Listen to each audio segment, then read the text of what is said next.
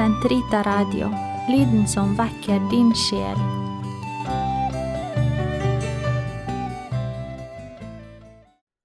Hei, og velkommen til Katolske hode, episode 6 Er mirakler mulige?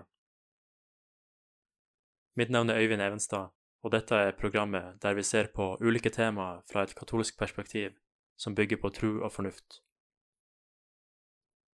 25. januar er minnedagen for apostelen Paulus' omvendelse, og vi kjenner til fortellinga om opplevelsen han hadde på veien til Damaskus. I Apostlenes gjerninger, kapittel 9, vers 1-7, står det Saulus raste fremdeles mot Herrens disipler og truet dem på livet. Han gikk til øverstepresten og ba om brev til synagogene i Damaskus for å kunne finne dem som hørte til veien, både menn og kvinner, og føre dem i lenker til Jerusalem. Underveis, da han nærmet seg Damaskus, strålte plutselig et lys fra himmelen omkring ham. Han falt til jorden og hørte en stemme som sa, Saul, Saul, hvorfor forfølger du meg? Hvem er du, Herre? spurte Saul, og svaret lød, Jeg er Jesus, han som du forfølger. Men reis deg nå og gå inn i byen, der vil noen si deg hva du skal gjøre. Mennene som fulgte ham, sto målløse, de hørte stemmen, men så ingen. Hvis dette virkelig var Jesus Kristus som viste seg for Paulus i et syn, har vi med et mirakel å gjøre. I kristendommen tror vi, som kjent, på mange andre mirakler i tillegg. I denne episoden av Katolske hode skal jeg lese en artikkel jeg skrev for en stund siden, der jeg blant annet prøver å svare på spørsmålet Er mirakler mulige? Mirakler, eller underverk, har en rolle å spille i mange av verdens religioner, og har lenge blitt brukt som tegn på Guds eksistens. Men hva er egentlig et mirakel? Selv om vi klarer å svare på dette, gjenstår fortsatt to spørsmål. Er mirakler i det hele tatt mulige, og kan vi være berettiget i å tro at et mirakel har skjedd? Det første er et metafysisk spørsmål, og det andre er et epistemologisk spørsmål. I denne artikkelen skal jeg gi en filosofisk drøftelse av disse to spørsmålene, med utgangspunkt i det middelalderfilosofen Thomas Aquinas, den skotske opplysningsfilosofen David Hume og den nålevende engelske filosofen Richard Swinburne har skrevet om temaet. Dette kommer til å bli supplert med argumenter fra andre filosofer, i tillegg til mine egne resonnement. Som nevnt har mirakler lenge blitt brukt som tegn på Guds eksistens. For eksempel står det i Det nye testamentet at det kristne budskapet ble stadfestet ved tegn og under, Markus 16,20, Apostlenes gjerninger 2,2. Det største miraklet av dem alle var Jesu oppstandelse fra de døde, noe som også var en form for bekreftelse. Hvis Jesus virkelig sto opp fra de døde, hvis en død mann virkelig ble levende igjen, er det plutselig mye mer sannsynlig at Gud eksisterer, og at han går god for budskapet. Richard Swinburne skriver at dette miraklet er det som hele kristendommen står og faller på, og David Hume bruker oppstandelsen til en død mann, uten å nevne Jesus direkte, som eksempel i sitt argument mot miraklet. Hvis det er mulig å vise at dette miraklet virkelig har skjedd, er det mye som står på spill.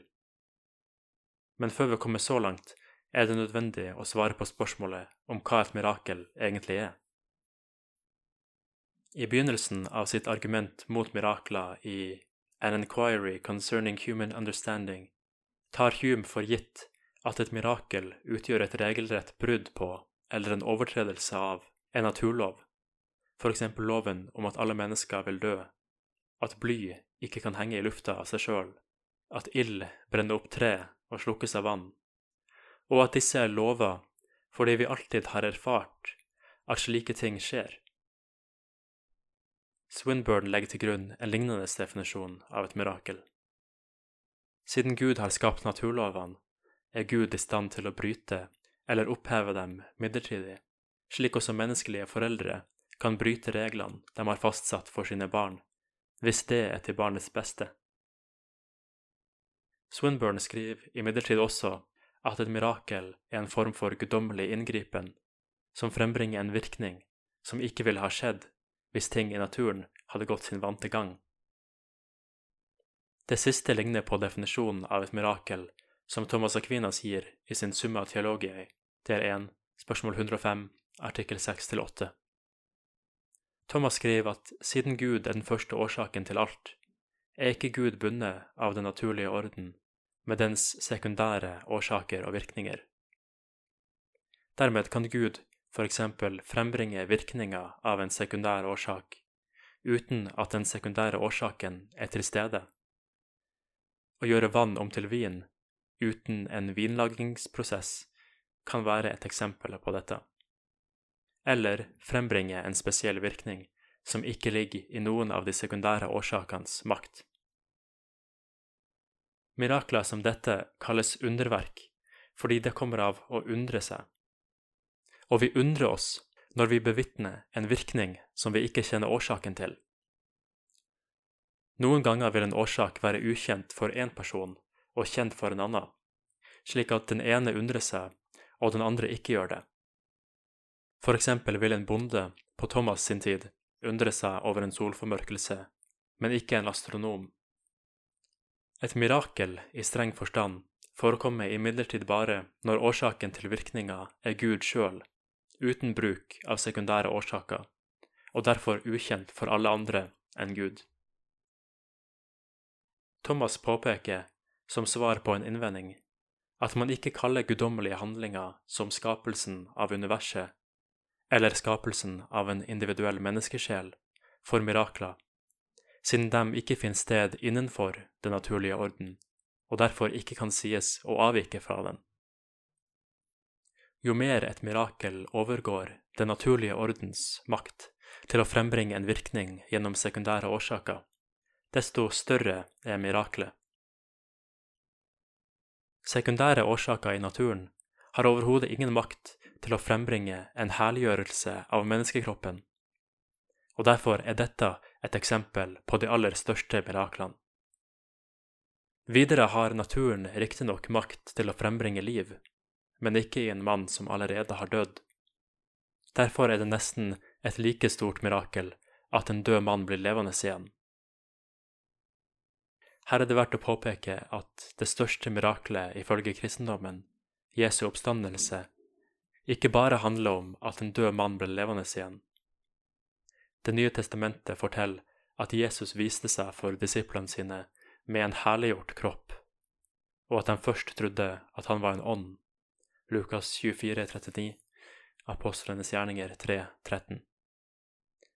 Det er nok derfor Thomas nevner dette med helliggjørelse.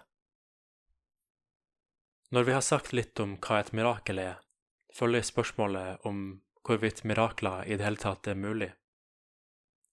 Det kan være fristende å si at hvis et mirakel utgjør et brudd på en naturlov, kan vi konkludere med at det ikke er mulig, fordi det er umulig å bryte naturlovene. Dette er imidlertid ikke argumentet til Hume. Den kjente ateistiske filosofen J.L. Mackey påpeker at hans argument mot mirakler er et epistemologisk argument. Det forsøker ikke å vise at mirakler aldri skjer eller aldri kan skje, men bare at vi aldri har gode grunner til å tro at de har skjedd. Likevel kan det tenkes at noen vil argumentere slik, og si at det er umulig å bryte naturlovene. Hvis vi skal vurdere et slikt argument, er det nødvendig at vi først har en viss forståelse av hva en naturlov er. Derfor er vi nødt til å se litt på dette spørsmålet også. Mackie skriver at det finnes ulike måter å definere en naturlov på. For det første kan det være en beskrivelse av det som faktisk skjer, og måten ting i naturen faktisk oppfører seg på. I så fall er det ikke en lov i streng forstand, og det er ingenting som hindrer et mirakel i å være ett av de fenomenene som finnes i naturen. Den amerikanske filosofen William Lane Craig kaller dette for regelmessighetsteori, regularity theory, selv om det bare er helt tilfeldig at det som skjer, virker regelmessig. Ifølge dette synet vil ikke et mirakel utgjøre et brudd på en naturlov, men bare være nok et fenomen som må beskrives. Det har ikke noe å si at et mirakel er en statistisk sjelden hendelse. Hvis det skjer, vil det bli beskrevet av en naturlov.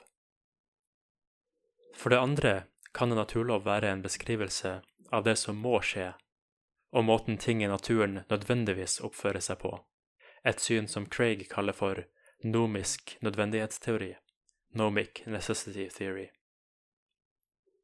Siden dette innebærer at det som skjer, nødvendigvis må skje, kan det sies å innebære et deterministisk syn på universet. Mackie påpeker at det kan være lett å tenke seg at mirakler er umulig hvis man har et slikt syn. Men hvis man heller tenker seg at universet er statistisk eller probabilistisk, kan man bare si at mirakler er høyst usannsynlig, ikke at de er helt umulig. Swinburne nevner også at den fysiske verden, på sitt mest grunnleggende plan, er probabilistisk, ikke deterministisk, ifølge kvanteteorien. Eller i hvert fall enkelte tolkninger av den. Han bruker ikke dette for å vise at mirakler kan skje, men for å vise at hjernen vår ikke er determinert av ytre krefter, og at den i teorien kan bli forma av en immateriell og udødelig sjel. Dette er et interessant område, men jeg mener at man ikke trenger å blande inn tolkninga av kvanteteorien for å vise at mirakler er mulig. Selv om en naturlov beskriver det som nødvendigvis må skje, er dette med en forutsetning om at den beskriver et lukka system. Dermed utelukker den ikke at noe eller noen kan gripe inn i systemet fra utsida og gjøre en forandring som får ting til å oppføre seg på en annen måte enn de ellers ville ha gjort. Den irskfødte forfatteren og apologeten C.S. Lewis har et lignende resonnement, som fører til en konklusjon om at mirakler er mulig.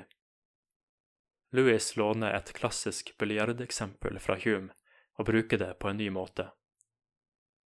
Naturlovene beskriver hva som nødvendigvis må skje hvis vi slår en biljardkule sånn at den treffer en annen. Men dette forutsetter en situasjon uten inngripen. Hvis biljardkula blir stansa av en ujevnhet i filten, eller en annen spiller hjelper til med køen sin, vil den første forutsigelsen om hva som vil skje, være feil. Det betyr ikke at en naturlov har blitt brutt. Den sier bare noe om hva som må skje under ellers like forhold, other things being equal. Det finnes også et tredje syn på hva en naturlov er, som Craig kaller for teorien om kausale disposisjoner, causal dispositions theory. Ifølge dette synet er naturlover metafysiske sannheter om hvilke kausale disposisjoner, dvs. Si evner til å forårsake eller bli forårsaka, ting i naturen har. Salt har for eksempel en disposisjon til å bli oppløst i vann. Hvis Gud griper inn og ved et mirakel forhindrer salt fra å bli oppløst i et enkelttilfelle, vil ikke det være et brudd på en naturlov. Saltet vil fortsatt ha den samme disposisjonen, selv om den blir forhindra i å realisere seg sjøl. Det ser ut til at dette er synet til Thomas Aquinas.